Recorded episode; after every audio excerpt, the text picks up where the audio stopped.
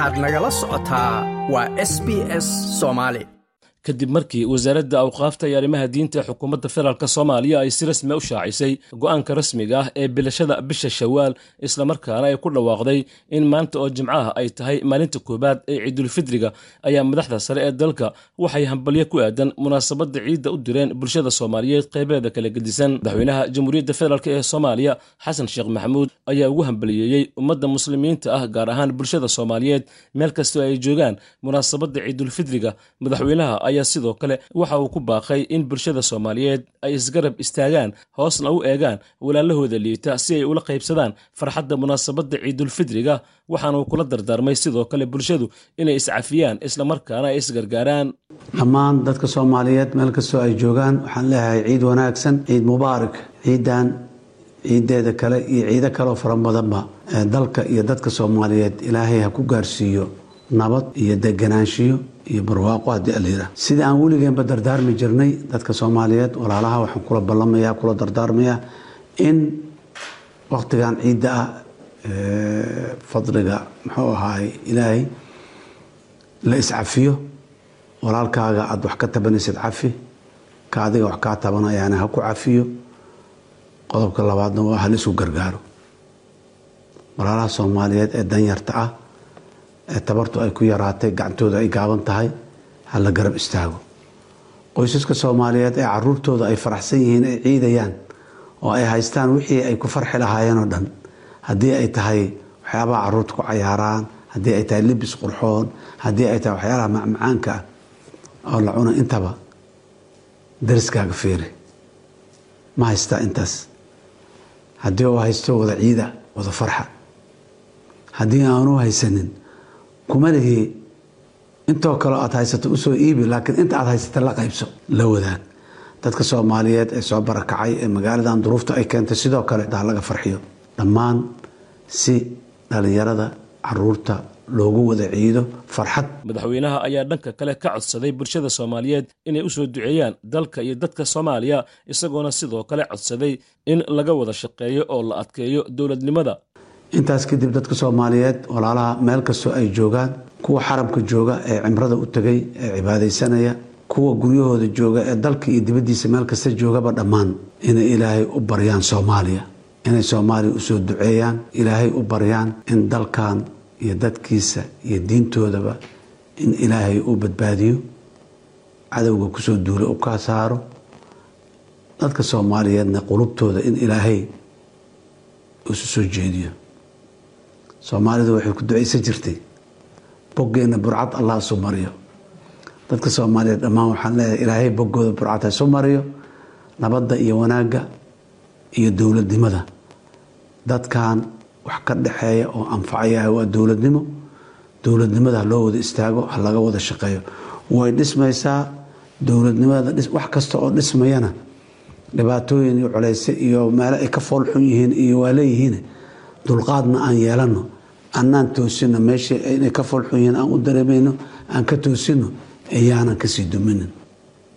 Dalka iyo dadka iyo diintoodaba waxa anfacaya maanta waxaa ka jira dowlad dalkeena dowlad aan u yeelano. Mushaakilaadka aan haysanahay ma xalli karno qof qof u maxalli karno qabiil qabiil u maxalli karno degaan degaan iyo dowlad goboleed u maxalli karno soomaaliya ama waa wada guulaysanay ama dhibkay ku wada jireen kalama biskoo karno.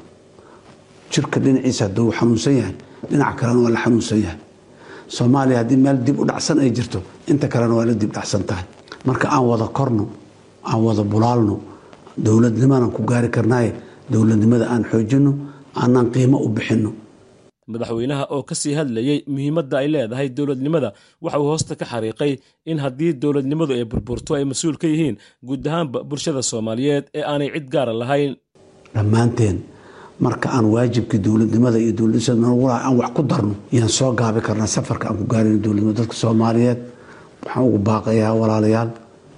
Marka hore ilaahay aan ku kalsoonaano annaguna aan isku kalsoonaano dalkan dowladnimadiisa hadday burburtay hadday baaba'day annagaa mas'uulka ah.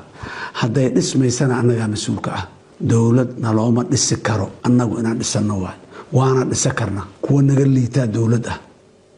Kuwa diin ahaan iyo caqiida ahaan naga liitaa dowlad ah. Kuwa aan dhaqaala nagu dhammaynaa dowlad ah. Dalkan aan haysano ee barwaaqada ee nicmada leh kuwa aan lahaynaa dowlad ah. Inaan hal hal nahay oo aan soomaali nahay oo isku diin iyo isku luqad iyo isku dhaqan isku habnolood inaan nahay. Kuwa aan haysanoo laba iyo toban qowmiyadood kale ah ayaa dowlad ah. Sabab aan dowlad u noqon weynahay ma jirto. Waa daciiftinimadeena leh aan ka nimaado. Aan u soo markaan sanadkan iyo sanadka soo socday sanadaha soo socdao dhan waa markii aan dowladnimadeena dowlad waa haysanaa waa leenahay. Aan kori lahayn oo aan xooji lahayn.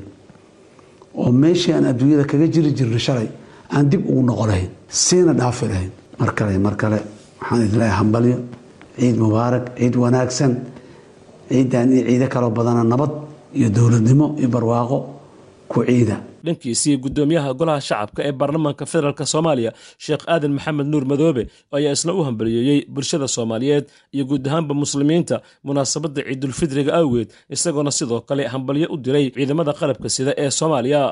Ciid mubaarak ciid mubaarak ciid wanaagsan waxaan ummadda soomaaliyeed ugu hambaliyeynayaa munaasabadda ciidulfidriga ilaahay nabad nagu soo gaarsiiyey soonka nabad nooga dhameeyey baan ummadda caalamka caamal islaam dhan lagu hambaliyeynayaa gaar ahaan ummadda soomaaliyeed. Dal iyo dibad meel kastoo ay joogaan waxaan leeyahay ciid mubaarak camaasha khayraadka aan soo dhammaysanay. Allaha naga aqbalo. Waxaan u rajaynaynaa ummadda soomaaliyeed ilaahay ka barinaynaa ciidan ciideedii anaga oo barwaaqo iyo bashbash qabna oo nabad qabna in ilaahayna gaarsiiyo. Ilaahayna waxaan ka barinaynaa kale in ilaahay kumaasha la cafinaayo bifadli ciidilfadri in ilaahay nagu daro. Yaan ilaahayna ka barinaynaa aad iyo aad u mahadsantihiin. Waxaan leeyahay ummadda soomaaliyeed ilaahay hana gaarsiiyo ciidan ciideedii anaga oo nabad qabna anaga oo barwaaqaysan anagoo ka walacaynin dhibaatooyinka haddi jira iyo wax la mid ah. Dhinaca kalen waxaan rabaa inaan u hambaleeyo. Ciidamadeena qalabka sida iyo dadweynaha soomaaliyeed ciidamada garab istaagay si ummadda soomaaliyeed xorriyad ugu noolato dhiigooda iyo naftooda u xuray. Ayagana waxaan leeyahay ciid mubaarak ilaahay ha idinka jarsiyo ilaahayna ha idinku guuleeyo waa idinkaga mahad celinayaa waan ognahay duruufta lagu jiro idinka oo ku soo mahayay duurka baadiyaha kuleelkaas si aad ummadda soomaaliyeed u badbaadisaan maaragtay dadaalada aad ugu jirtiin. Waxaan leeyahay ilaahay ha idinka ajarsiyo.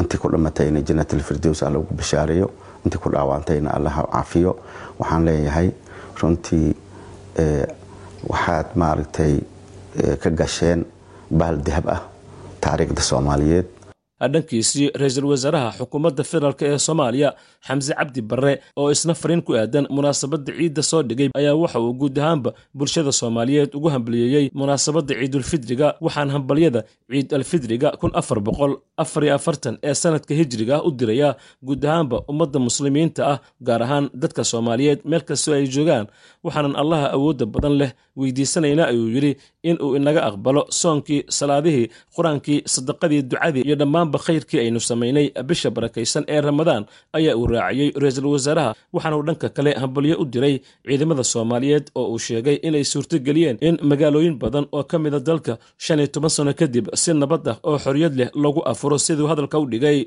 ra'iisul wasaaraha ayaa sidoo kale waxa uu xusay in gulufka dagaal ee iminka socda uu shacabka caasimadda u horseeday siduu yidhi inay bisha barakaysan ee ramadaan ay ku dhammaystaan jabi nabdoon isagoona ugu dambayntii u mahadceliyey shacabka soomaaliyeed ee sida wanaagsan ula shaqeeyey siduu yidhi hay'adaha amniga ee iyagu u shaqaynaya kuna garab istaagay sidii ay amniga u sugi lahaayeen. Dhankoodii madaxda kala gedisan ee maamulada dalka ayaa iyaguna fariimo ku aadan bilashada munaasabadda ciidulfidriga u diray guud ahaanba bulshada soomaaliyeed iyadoona maanta oo jimcaha magaalooyin kala gedisan ee dalka si isku mida looga wada ciidayo.